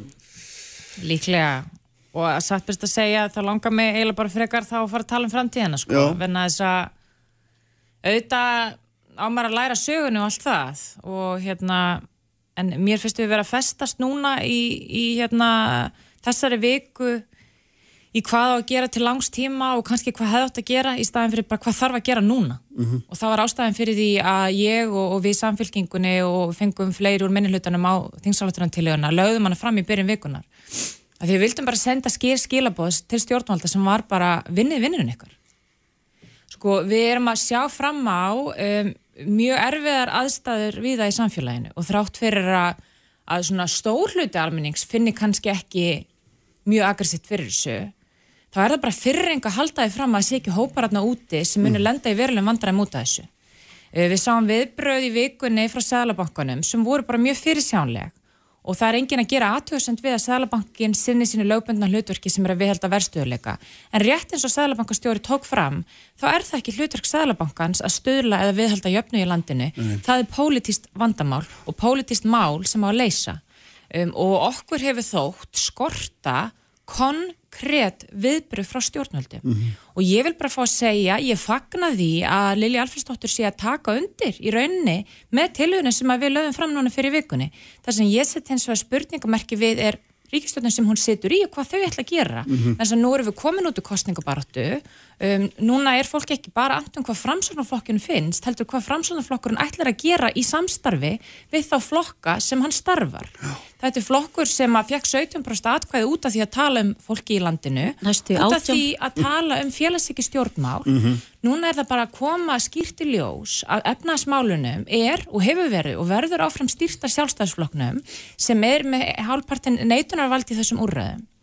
Þannig að sko við getum talað og talað og talað um langtíma aðgerðir en núna þarf að grípa inn í og ef fólk hefur ágjör að því að, að viðbröð frá ríkinu skapi einhvers konar þenslu af því að nokkri milljar að vera settir í að aðstóða ungt fólk sem þurft að koma inn á mjög dýran markað eða öryrkja fólk á, á læri stegum hérna tekjustegan sem að er að finna veruleg fyrir þessari verðbólgu þá er það úrlausnarum á stjórnvalda að finna leiðir til að vega upp á móti þeirri þenslu. Og þar er bankaskatturinn eitt úrræði, 6 miljardar, þar er allir vinna. 7 miljardar króna sem voru samþyktir millir jóla og nýja, nýjárs e, í gegnum viðskipt og efnaðsnemnd sem að var sagt og var að við að vera þenslu hvetjandi. Þannig ég Þannig að þú er ekki viljað það sem sagt. Punkturinn minn er þessi, pólitík snýst um forgánsöðun. Við heyrum það ítrekka til að mynda frá þessum flokki mest hægra megin í, í hérna ríkistjórninni að það þurfa að forgánsræða og ég byrð það bara um þessa forgánsöðun núna. Mm Daði, Já, ég tek undir með því sem hefur verið sagt hérna að, að þessi viðbröð Sælabankans voru fyrirsjáanleg. uh, við getum síðan, uh, eins og Kristrún nefndi, rættu utan það hvort að uh, hann geti að einhverju leiti sjálfur sér umkent og hvort það hafi verið gerð mistök í, í, í aðdraganda eða á þessu tíambili eftir, eftir að koronaviru kreppan skellur á. Og, og ég held að sé nú svo sem uh, ástæði til þess að, að, að taka þá umræði, ég vil þó að Kristrún enni því ekki vegna þess að, að við þurfum að, að uh, hjálpa, eða bankin þarf að þróa þessa nálgun sína á, á svona uh, með viðtækari og fleiri verkværum heldur en hann hefur haft eða nýtt sér hinga til. Um, og, og, og sérstaklega snýsta þá að, að því að, að reyna að hafa áhrif á uh, skuldsetningu sem, sem við erum síðan núna raunverulega horfast í augu við að, að hafi fengið að fara einhverju leit úr böndunum hjá ákveðnum hópum. Og, og ég held að um, um, það sé í sjálfu sér um, algjörlega rétt hjá, hjá Kristrún að við þurfum að koma til móts við þessa hópa, þarna voru gerð mistök. Eh, bankin hefði átt að, að eh, beita þjóðasvaruðar úr aðeins fyrr mm hann gerði það því miður ekki. Eh, það þarf að, að, að koma til móts við þessa hópa en, þeirra sem en, lána peningana líka er það ekki? Og þeirra sem Jú, taka sko, en lánin ekki jú, síst en sko, uh, ég held að, að það ætlast til þess að bankarnir uh, séu í pólitík sé ennþá hæpnara heldur en ætlast til þess að Seðlabankin sé í pólitík þó að hann hérna sé þá nú því miður stundum. Um, uh, þannig að, að sko það, það, það er í sjálfu sér alltaf stjórnvalda að, að, að grípa inn í. Þau verða að koma með lausnirnar uh, og við vitum hvar vandamáli liggur Ég held að sé hins vegar eh, engin deila um það að rýmið til þess að ráðast í aðgerðir er takmarkað vegna þess að það er rétt hjá bankanum. Þessi ákvörðum bankan sem að hækka vexti var öruglega skinsanleg. Eh, Það er öruglega þannig að, að væntingar um eh, áframhaldandi verðbólgu eru mjög miklar út í samfélaginu og, og hann verður að sína, hann taki hlutverk sitt alvarlega Já. Uh, og, og menn hafa Þú ert vikið að segja með öðrum orðum með það ekki að Sælabankin fari í eináttina með ríkir að fara í hinna eða hvað? Já, sko, þ- sko, hér er vandamálið á Íslandi eins og ég sé það. Um, það er á endanum að því verist vera bara einn aðili sem raunverulega tekur mjög alvarlega hlutverk sitt að við halda stöðuleika á Íslandi og það er Sælabankin. Engin annar verist hafa reyna sérstakra áhyggjur af því hvað er að gerast. Ríkið verist bara, já, svona þú veist, uh, hérna, taka sínar ákvarðanur og vona svo bara til þess að Sælabankin geti bjargaðin. Uh, aðila vinnumarkaðaris, svolítið svipað. Uh, og, og, og þess, þetta íslenska mótel er alveg sko, vonlust, fullkonlega vonlust það er algjörlega útilokað að Sælabankin geti einn og sér staðið fyrir stöðuleika uh, og, og svo maður tala nú ekki um áhrifin sem þetta hefur á raunverulega dreifingu gæða í samfélaginu. Að, að sé þessi leið farin já það er alltaf einhver sem situr uppi með svartapétur og af því að Sælabankin er ekki pólitík, hver er það sem situr upp með svartapétur? Já, það er til dæmis þessir hópar í dag sem að skuldsettu sig óeðlilega eftir að, að, að hérna, uh, tappin var tekin úr flöskunni hjá bankunum eða að, að afnema sveiflihjöfnuraukan uh, í, í massi fyrra. Og, og ekkert gert til þess að koma í veg fyrir að þeir tækju ákvarðanir sem að síðan yrðu óraunhæfar þegar að, þegar að óumflíjanlega vextir myndu hækka aftur. Já, eins kom inn í þetta. Ég ætla nú fyrstulegi að segja það að ég til að Sælabankin hafi bröðist hárjætt við í COVID-unu, lækkaði vexti og stutti við í raun og veru eina mestu krísu sem við hefum séð í hundrað á sem var að heilsufarslegum toga. Já, það er engin... Ekkert, má ég klára, það var ekkert á okkur sem áttaði sér nákvæmlega á því hvernig þetta yrði og ég meina við tölum fyrir því að því að Kristrún var að segja herðu hérna framsóknarflokkurinn er mikill félagsækjuflokkur og það skiptir ekki máli hvað þið segið heldur hvað þið gerið. Og ég tek algjörlega undir það. En það sem við gerðum í síðustu ríkistjórn við tölum fyrir hagfræði sem gekk út á keinsisma við tölum mjög stert fyrir því að aðstóða þá hópa sem voru verst stett verst settir. Sælabankin eh, lækkaði vexti mjög hratt og ég til hann hafi gert rétt þar. Ég til líka að hann sé e, að gera e, rétt núna með því að hækka vexti og vextir eru núna á söpum stað og við vorum fyrir mm -hmm. e, COVID-ið. Það sem er ramt og kemur fram hér er að ríkisjóður er farin að stunda aðhaldsum ríkisfjármál með því að afgangur Svo nýður greiða starf sem einaðamanna Við má ég aðeins Já, já, já, hérna, sko, það, það er það, býtu, það, það er þannig að hallin á þessum fjárlögum hann verður 5,2% og við höfum verið að einmitt að draga í land, við höfum verið að minka stuðningsaðgerðir og við bara sjáum það til að mynda, ég meina ferðarþjónustan, hún óskaðist í því að við myndum halda áfram með ákveðna aðgerði, við gerum það ekki mm. vegna þess að meðal annars að bókuna staðan fyrir sumarið er mjög góð. Við sjáum útflutningstekjur vera aukast í gegni þjónustu e, jöfnun, við sjáum að krónan er að styrkja sem er núna hjálpleg vegna möguleg, mögulegs verðbólku þrýstings þannig að þetta er ramt að mm -hmm. ríkisvaldið e, sé ekki að huga að því að, hérna, að passa upp á það hvar við erum stött í, í hagkerfinu og ég, ég tel að það sem við erum að gera núna eins og því ég nefndi núna í vikunni að setja mögulega fram e, svona kvalreka skatt það er að mm. segja að ef það er ofsa gróði eða ofur hagnaður hjá einhverjum aðilum mm -hmm. að þá eigum við að gera það. Og ég er enda líka svo ég bara komið því að ég er líka á þeirri skoðun að þetta ætti líka þessi stafanandi sjáarútvegin þar sem við sjáum ofur hagnaði einhverjum greinum það á að skatleggja það og svo vil ég líka eh, Þetta er stórmerkilega tilöðurilega ég áhuga að vita hvaða stuðningu hefur við í stjórnmálunum. Ég held að allir, allir að núti hafa áhuga að vita en þess að fólk, sko, þess að ég endur tekja an við erum ekki lengur í kostningabaratu þú setur í ríkistjórnlilega, við viljum fá að vita verður af þessum aðgjörnum sem þú ert að ræða um? Nú ætlum ég að tala, tala hérna aðeins hérna, á, á, á, já, á hérna mannamáli svo Kristúr skilja ég kom að aðgerðum til að mynda stöðuleikaframlegin sem skiluði Ríkisjóðu Íslands 650 miljörði. Við erum að tala um ég, núna, hvað er það að fara að já, gera núna? Já, ég er að sína þeirra að, að hérna, trakkrekordið er það gott og búið að skila þannig hlutum að eftir því tekið sko alþjóða vísukristrún og þetta þekkið þú vel. Ég ætla að nefna annað, ég tók þátt í leiðrættingun og hvað gerðum við þar? Við hækkuðum skatt, við settum skatta á slitabúin og þetta var hugmyndafræði framsóknarfloksis, eins er það núna og við erum félagshyggju flokkur, við viljum aðstofa fólk sem mm. þarf á því að halda. Og ég get þetta sama ríkistjórnun og afnam bankaskattinni neðleipir ekki frá það það er búið að lækka, það er búið að lækka.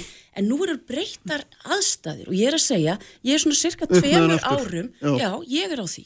Já, og ég er á já, því okay. að þeir sem þérna mest og eru kannski bara í einhverjar aðstöðu mm. allt í húnu hækkaði hlutabriðaverð til að mynda á, á banka.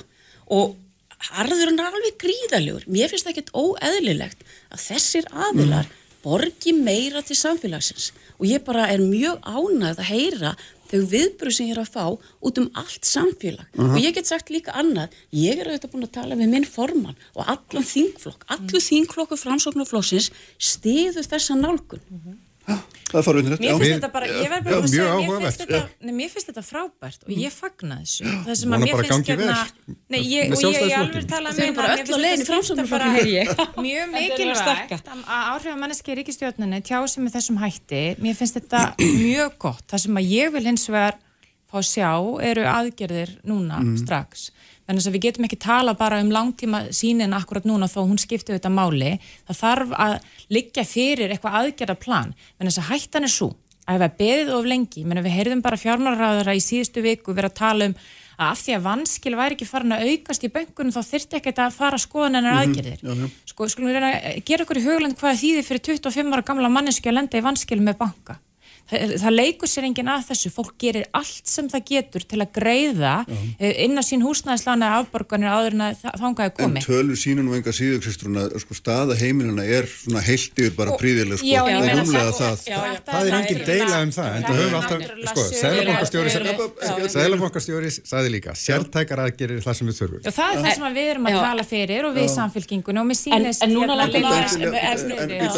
en Kristrún, hérna, en þessar aðgerir sem þýr að tala um, er það ekki rétt skili hjá mér að Já. þær geti ekki gengið fram nema að það komi aðhalsargerðin á móti? Er, er, ég skildi þið rétt Nei, á það þær eru þess eðlis að þær mm. eru mjög sértakar í eðlisinu, við erum mm. ekki að tala um leðryttinguna, við erum ekki að tala um svoleiðs aðgeri, við erum að tala um að ríki beiti sér fari og skoði, þessi vinna fara að staði fjármarraðundinu, skoði hvaða hópar eru viðkvamastir, mm. hafi yfirsin yfir þetta, við erum að tala um sértakar vakstabætur, við erum að tala um að það verði farið í samvinnu við fjármálafyrirtækin eins og var gert í upphafi COVID þegar koma fyrirtækinum mm. og í tilviki heimilana þeim gert hérna kleift að, að dreifa mögulega þessum kostnaði við lengri tíma þetta er minni hópur en allir í samfélaginu Já. þannig að þetta vegur ekki öllu mhm. leita moti vakstækunni og það eru full fordami fyrir þessu erlendis það er verið að gera mm. þetta í Breitlandi til að mynda og meginlandinu Og, og þannig að það er engin ástæði til þess að þessi vinna sé ekki farin af stað. Mjög lukkar aðeins að komin á þetta og talandum sko e, hérna hakt, nei, nei, aðeins að ég verða að koma þessu að vegna þess að, að það er ekki hægt að tala með þessum hætti eins og Kristrún gerir hér. Og ég ætla að segja ykkur að hverju. Ástæðan fyrir því að verbulgan er svona mikil, hún tengist því að Reykjavíku borg sem er stjórn á samfélkingunni, hún hefur ekki sinn því, hún hefur ekki sinn því að koma með lóðir. Það er ástæðan, ég menna húsnæðisverð hefur hækkað hérna um 18,4% er það ekki rétt? Jú, og það þýðir ekki að láta svona. Og Förum við þessa skýringu. Borginni stjórnaði samfélkingunni og viðrest og ef við lítum á verðbólkuna Þetta er mjög aðtækksverð Ég myndi gert að vilja heyra hvaða sögtir hafið við þessu vegna þess að þetta er þéttingastefna hvað er búið að gerast? Það er að byggja og byggja rosalega dýrar íbúðir ekki satt. Jú, allt er góð, svara. En má ég klára?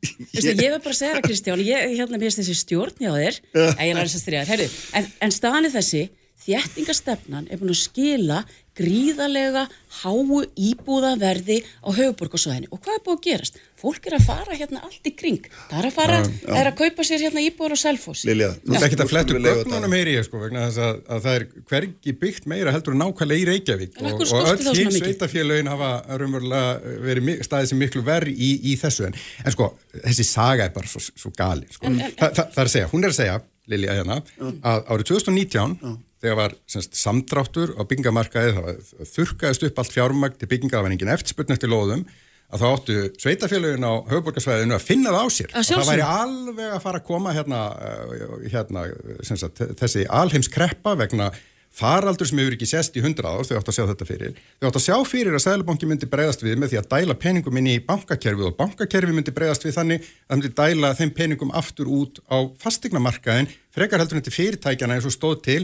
vegna þess að það er einfallega bara örugar í skuldarar. Mm -hmm.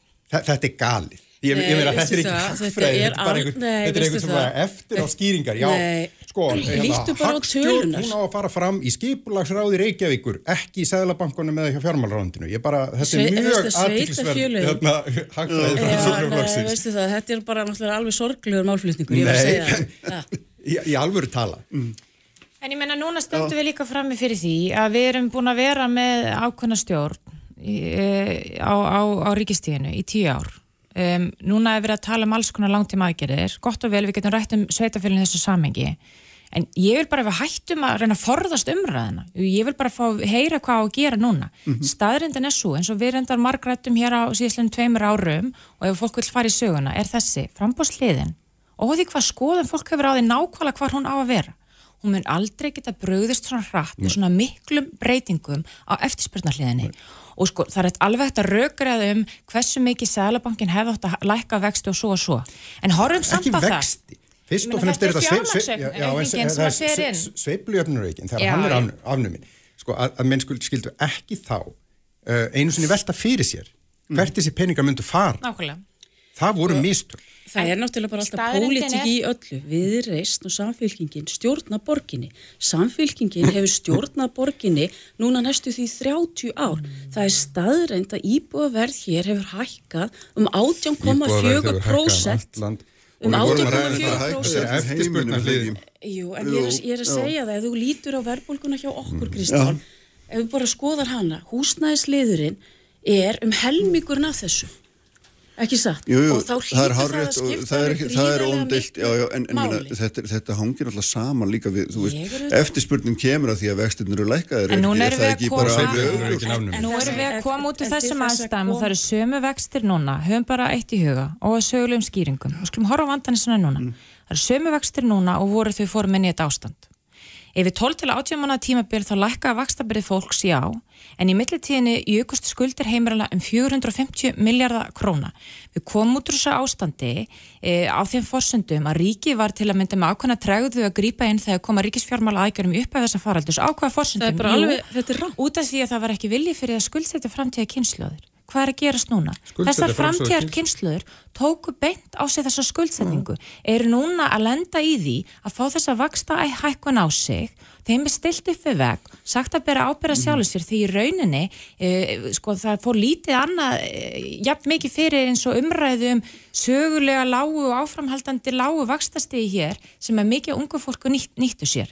E, þannig að við komum út úr þessum ástæðum við komum út úr þessum aðstæðum á þeim stað að við erum með sama vakstastegi og vorum fyrir tveimur án síðan, við erum með fastegna verð sem er 25% hærra en áður en fórum inn í faraldurinn, við erum með fólk sem er 450 miljardum króna skuldsettar en var áður og, og hérna ráþæri í ríkistjóðinni tala bara um lóðaskort að Reykjavíkur borgarsvæðinu. Það sem ég vil bara fá að vita, hvað ætlið að gera núna? Við getum sparað þessa umræði fyrir sveitistunarkostningar. Það er fólk núna sem er að velta fyrir sér hvað það á að gera næstu mánuð og ég vil bara fá að vita hvort þessi vinna farin að stað. En ég ætla að fá að ítrykka sem ég sagði hér áðan Ég fagna þessari umræði frá Lilji og ég er mjög ánað að framsvonarflokkurinn sé að taka undir þetta.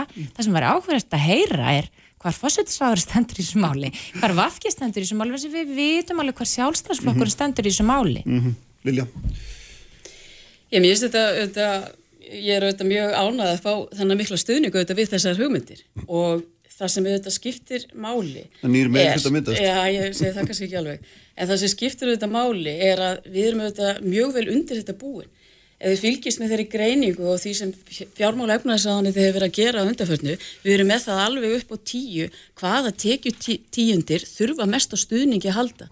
Við erum með vakstabóta kerfi hér í landinu sem ég tel að við munum nýta núna og það kem mér ekkert óvart Það er búið að grafa verulega undan vakstabótakerfinu Lilja síðastliðin ár. Mm. það er bara viljandi hefur verið gert undan fyrir ár og við getum bara hort á statis Ég verð að segja það. Að þetta er náttúrulega þessi málflutningur hérna, hann er náttúrulega með algjörum ólíkjendum Það er auðvitað þannig að jöfnudur á Íslandi hann er mjög mikill og það vitum við, við erum að koma út úr þessari krísu, eitt af þeim ríkjum sem er að koma einna best út úr þessu bæði hvað varðar heilsu og hvernig við til að mynda höfum haldið skólakerfun okkar opnu og hvernig við höfum með mjög virkum hætti mm -hmm. beitt ríkisjálfmálunum og svo hefur Sælabankin staðið sitt og Sælabankin gætt farið í þetta án þess að nota makkbundna íhlutun sem skiptir mjög mjög mjög máli vegna þess að stefna Sælabanka Íslands var ekki eins þennslu hvetjandi og annara Sælabanka í kringum okkar.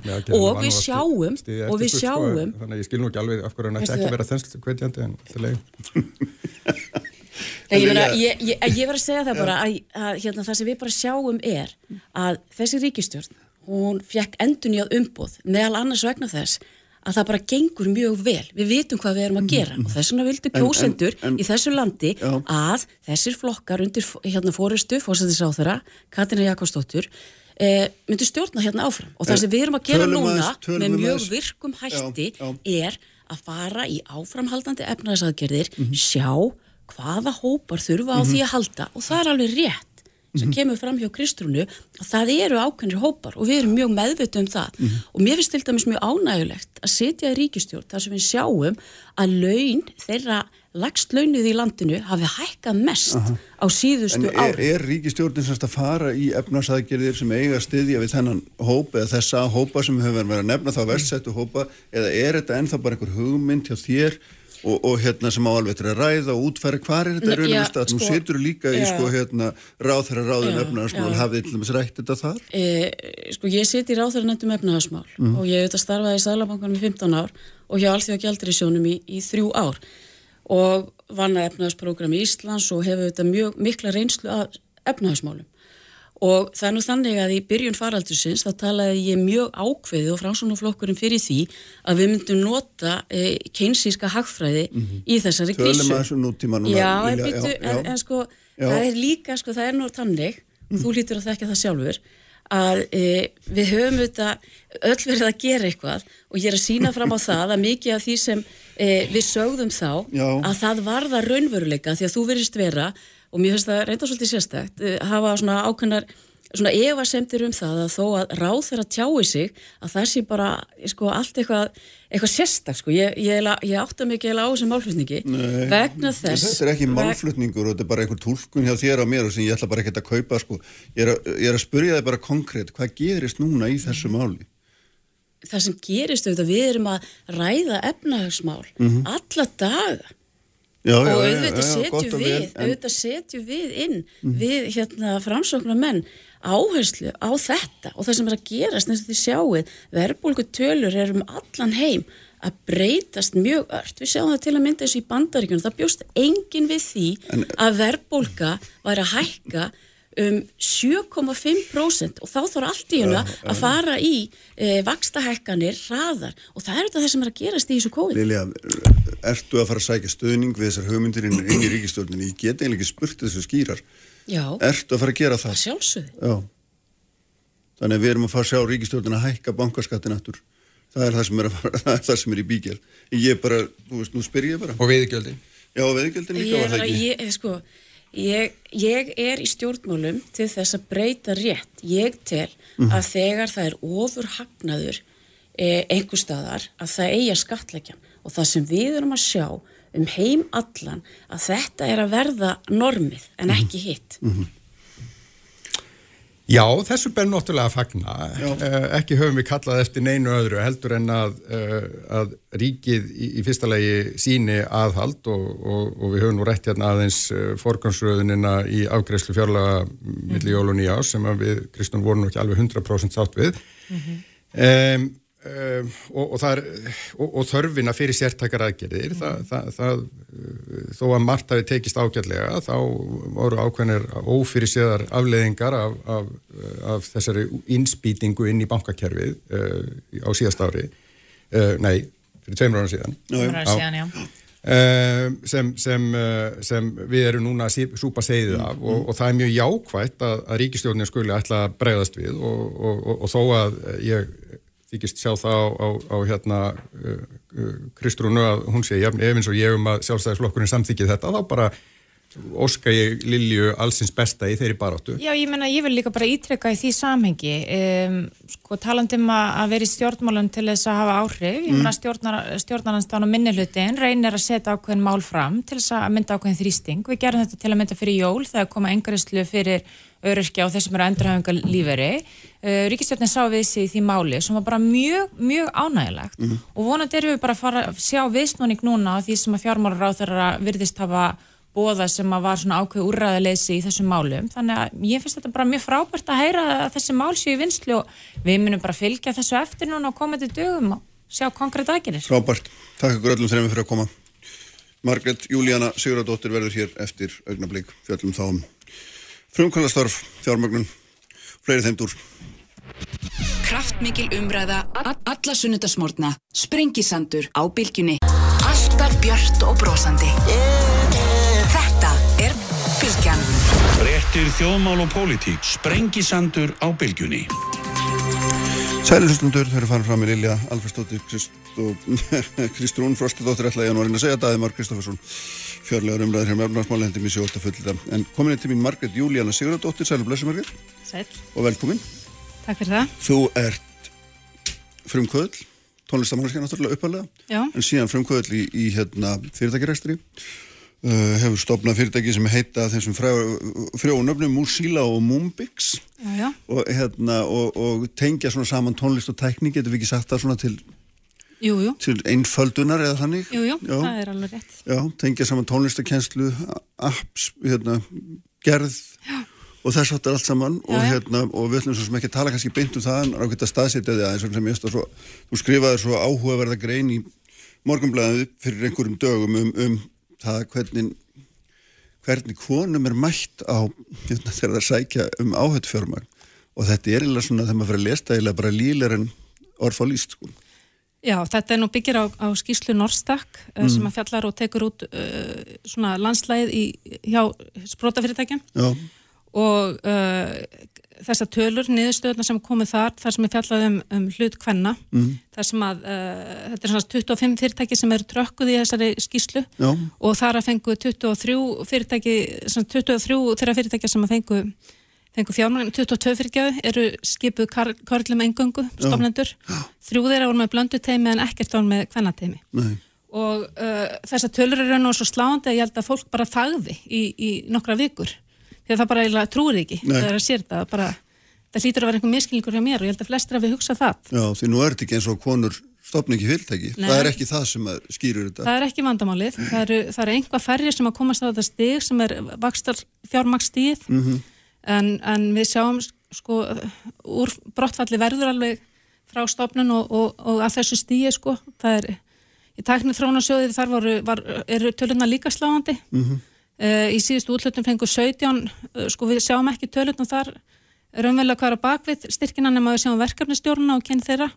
Og það voru sjö karlar sem að fengu 17 sem fengu uh, í síðustu útlutun vakstarstyrk sem er stærstu styrkirnir. Mm -hmm. en tvær konur en svo veit ég að önnur af þeim var að representera fyrirtæki sem að kallaði stopna sko þannig að þetta er í raun og alveg bara hræðilega tölur sko. Þetta er í raun og verið bara einhvers svona kerfisbundin mismunun Já. eða, eða hvað hva á að kalla þetta? Sko, ég veit ekki hvað sko Því nú er þetta ekki bara hér á landi svona því ég Nei, fór að lesa hans í kringum þetta þegar að já hvað þú myndi að leita til þín og þarna maður sér greina frá mjög mörgum löndum þar sem er nákvæmlega sama mynstur. Já, og það er bara kannski sorglegt að við séum ekki tölvört skarri heldur en allir henni því við tekjum stöðra svo mikil jafnbrettis paradís Mm. en við meðum ekki glema því að þarna liggur valdið í fjármagninu og ef að við lefum ekki fyrirtækjum að vaks og grasi sem konur stopna þá verður það breytist ekki til framtíðar þetta er auður okkar framtíða kynsluða Já. og það sem skiptir líka svo miklu máli sem kannski fólk uh, uh, hugsa ofta ekki út í að,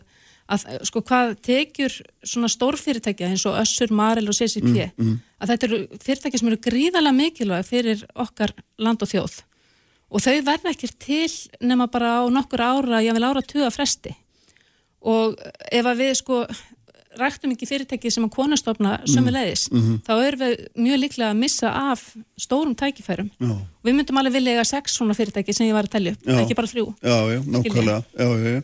Sko það er hérna uh, sko af fjör- 43 stærstu svona venturkapitalsjóðin í Európur áhættu fjármaksjóður eða hvað við maður kalla þá hérna, þeir eru sko með 900 miljardar punta að jafngildi þess í stýringu og þar rennur 1,1% af öllu fjármagni til kvennfrumkóla sem að taki dæmi í bandarækjunum þá sá ég að það eru 38% fyrirtækjastofna á konum en þær fá 2% Já, af, bara- af fjármagninu. Ég Já, ég menna maður getur ekki eins og hvart konu til þess að fara út í þetta. Bara, það er eiginga sens hvað sem er, bara fara frekar að gera eitthvað annað Vist, þetta er bara, staðan er bara afleitt mm. og uh, að því þú spurður um hvaða skýringar á þessu Já. ég meina, þú veist, fólk vil leita alls konar skýringar, mjög mikið alltaf bent á konurnar, þú verður að vera betri og dúlari þú verður, það verður fleiri konur að fara í nám svo bara alltaf, þegar sko, þessi víi falla, Mm. fleiri konur útskrifast í raungrennum hér á Íslandi heldur en kallar það eru fleiri sem klára mastersnám. Þetta breytir samt ekki neitt. Og með þess að fara tölurnar lækanda milli ára. Frá 2020 til 2021 þá bara í Evrópu þá lækkaði þessi tala úr 2,8% í 2,3 mm -hmm. og ég bara hugsa sko, ef maður hugsa bara eftir til átjóndaldar, þá voru líka hvern frumkvölar, ég er að hugsa bara hlutvallega bara ekki þetta neitt mikið öðruðsi. Einn skýringin sem ég sá, eða svona tilgáðan er, er svo að verkefni sem með, koma með eru oft einhver svona samfélagslegri heldur en svona kannski beinlins, ég veit ekki, tæknilega hagnaðadrifin eða hvað maður á að kalla það. Og, þarna, og þeir sem að sitja móti hafa ekki smekk fyrir þeim eða skiljaðu ekki eða eitthvað. Með þetta ja, tala ekki saman. Það getur verið að það sé einskýringin og, mm. og það er nú einhvað sem ég held að muni breytast mjög mikið á næstu árum því að fólk að fara að sjá bara mikið, það er að aukast verulega fjárfæstingar í, í þeim verkefnum en um leiður líka miklu fleiri kallmenn farin að taka þátt í þannig verkefnum Já. og setja þannig fyrirtækja stofn uh, Ég held að hérna einhverja rannsóknir sína hafa, hafa sínt fram á það að, að það er munur á því hvernig, hvernig orðræðan er í, í viðtölum þegar konur er að pizza, heldur en það kallar það að pizza mm. að þá eru frekar sko, þú veist eðli málsins samkvæmt, þá eru verkefni tætniður á svona fundum, en það er allavega talið er að tölverst meira á svona það sem kallar prevention orðræðu heldur en promotion Já, það er sérst verið að reyna að finna gallaverkefninu frekar en eitt meina að líta á kostinu eða eitthvað. Já, hvernig munið takast að halda í, í kúnana frekar heldur en hvað myndi ná í marga nýja kúna og veist, það er svona meira verið að tala verkefni upp og koma hugmyndir til þess að bæta það. Hefur verið persónlega reynsla þess að því nú hefur þér gengið sjálfur ágætlega að sækja peningar er mjög? Já, já, en ég hef, ég hef líka, ég var með, til dæmis bróðminn hefur verið með mér í þessu frá upphafi, já. hann er bankamæður, ég held að það hefði hjálpað já. og svo bara þurftum að nota líka tækni til dæmis í, í fyrirtæki sem var með það sem að við þurftum að sína tölvuleik og þú veist, ég er svolum svona kannski svo sem að vara pizza mm -hmm. verkefni, Já. en þegar komaði að sína leikin það sem krest uh, hlustunar og bara að þeia og, og fylgjast með meðan að vera útskýra leikin Já. Að það er einhvað sem að ég var alltaf að láta meðanda minn gera sem er kallmaður því að ef ég gera það, þá bara komst ég hitt áfram. Endarstur að gripa fram yfir mér. Þannig að hérna, þú veist þetta Þú, er, þú ert að segja þetta satt Já, ég minna við, við, bara, við bara tókum þessa strategíu. Og, og ég hef verið með stráka með mér í fyrirtæki sem að sko hafa verið algjörir hafa haft svona einlega trú á því að, bara hreinlega konur hafi frekar tækifæri heldur en kallar mm -hmm. uh, en svo þegar hafa setið hliðin á mér í þessu þá bara hafa orðið vittnaði að þetta er raunveruleiki sem að maður býr við. Og sko maður náttúrulega stýgur ekki fram sko í þessu umræðu einn og sér. Hún ágæst snúast um mig eða einhverja aðra að því að þetta eru bara núna loksins höfu tölur til þess að tala um. Og það er það sem er svo mikilvægt að sko hinga til höfum við ekki haft neitt. Nei. og það er bara hver og einn sem að réttur pönd og segir einhvað hún er bara skotin í kafum leið. Og maður vill ekki vera súmanniska það vill það engin og, maður, og fyrir utan það líka að þegar maður er í þessum bransa veist, þetta er rosa barátt og hún er það fyrir alla kalla á konur. Já.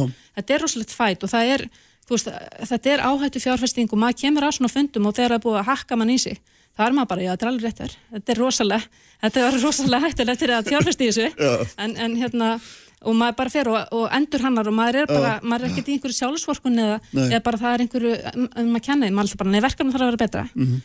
Og maður vill ekkert vera einhvern veginn að eigða púðri, maður hefur ekki tími í það. Eða orku í að vera standi einhverju, einhverju jafnrætti sparóti, maður er bara fæta fyrir sínu verkefni. Uh -huh en bara núna höfum við tölur og einhverjir að við fengja tölunum það er sjöu fleiri hvern fyrir þegar hana mm. og það er, ég veit að fram í sér að gera mikið sem félag samtök hérna vísi fjárfesta oh. þeir eru, þau eru að gera mikið átakið því að sapna þessum tölum. Mm -hmm. og ég held að það sé bara mikilvægast sem þarf að fara að gera svona, við þurfum að fá tölunar upp á borð við þurfum að sjá hvað sjóðan er að fjárfesta miklu e, í fyrirtæki sem eru stopnað á konum þessu stopnað á köllum. Við þurfum að sjá hvað mikið fyrir krónumtali til luta hvenna, að því við viljum heldur ekki sjá einhvern svona blekkingarleik þar sem að þar sem strákandi fá eina stelpu með og, og láta hann fá 5% og tikið bóksið Nei, maður vil það ekki heldur. Og sömulegis held ég að sjóðin þurfa að passa sig að vera ekki með tókunkonur í sínum fjárfæstingar áðum mm. að því ein kona í svona hópi, hún er verri en engin það er bara rannsóni sína það. Hún fer að, hún fer að aðlaga sig að, að röttinni sem að er fyrir, Já. sem að getur verið bæjas en bara ég held líka fyrst og fremst að þurfa bara það er hver og eitt, hvert og eitt okkar Já. það er að fara lítið einn barm og skoða Hvað gerist þegar þú þú, þú, þú, þú vantlega ekki reykja þetta, þetta fyrir mér eða mig í, þetta er ekki fyrsta ræðan sem þú heldur um þetta grunlega og ég meina þegar þú ert búin að segja öðrum sem þekkja til í þessum heimi frá þessu er allir jafn hissa eða hvernig Ég skal bara segja það að ég hef ekkert verið mikið að ræða okay. ég, Nei, bara maður er að vill vera að ræða annað Já. og þetta er reyndar örglega fyrsta ræðan sem ég held um þetta, jú Nú er það svo leiðis, já. já, einmitt. Ég meina, maður tala um þetta eitthvað við sína vinn, en, en, en, en uh, nei, ég bara, maður bara, þegar maður sér svo þessar tölur, þá er lóksins einhvað að tala um og það mm. er það sem við verðum að fá fram. Er, er, er þetta, finnst þér þetta að vera svona, er þetta nýðulegandi eða hvernig einlega tilfinning er þetta þegar eins og þú varst að nefna þegar að þú ætlar að fara að sína tölvuleikin sem þið eru búin að vera hanna og, og hérna, hann er þitt hugafóstur og, og þú ert manneskinn sem veist allt um hann og svo, hérna, bladra minn bara yfir. Hva, uh, sko ég, ég veit ekki, ég er svo ánum með sjálf með ég, hérna, ég, það, það rekkur bara að mig sko en maður já. bara lítur á þetta strategist bara já, það er hlusta á hann þegar hann sína leikin átum hann sína leikin já. og hérna uh, auðvitað er þetta óþalandi umhverju en ég held að það, þetta er miklu verra þegar að sko þú veist, bara maður finnur að eða bara þegar maður sér þessar tölur og, og hugsa bara allar þessar meiri hátta konur sem er búin að gera meiri hátta verkefni, ógeðslega klárur og duglegar, mm. flottar mm. -hmm og það er bara eiga ekki séns og maður, það er bara það sem er veist, það er ekki hægt að láta þetta viðgangast. Uh, bara eins og sé ég, vil, hérna, ég held bara það eru þetta erfitt að stíða fram og maður setur sjálfa sig bara í maður er bara hérna hlaupin eldin þú veist en ég verð bara treysta því að þeir fjárfæstar sem eru þann úti viti það að þetta er ekki persónlega ára og sé trúið í einlæglega að, að allir vilji vel og það sér enginn það, það trúir enginn sjálfur að sé með bæjas en það er bara nei. svo önnu sjónskekja við vitum ekki en, hvað við sjáum illa fyrir að fá gleru Nei, sko. en það, þessi hugmyndum að fjármagnin sé blind, það fari bara þangar sem besta ástunni fæst, hún myndi það ekki stemma í þessu tilvíli Ég menna, trúið þú því að, að það séu bara góður hugmyndir hjá 5% hérna hvenna, þú veist en Góð spurning. Já. Skiljum hann eftir. Já. takk fyrir að koma Margrét. Takk hérna, fyrir samanlegis og opna þennan heim fyrir okkur. Við verðum að láta sprengisendurinn lokið. Það er fór sekundur eftir til að hvaðja bara. Ívar Daví Haldursson var á takkonum eins og æfinlega og allt efni á vísir.is og bilgjum.is og svo í hlaðvarpi. Með ykkur aftur eftir viku. Verið sæl Allt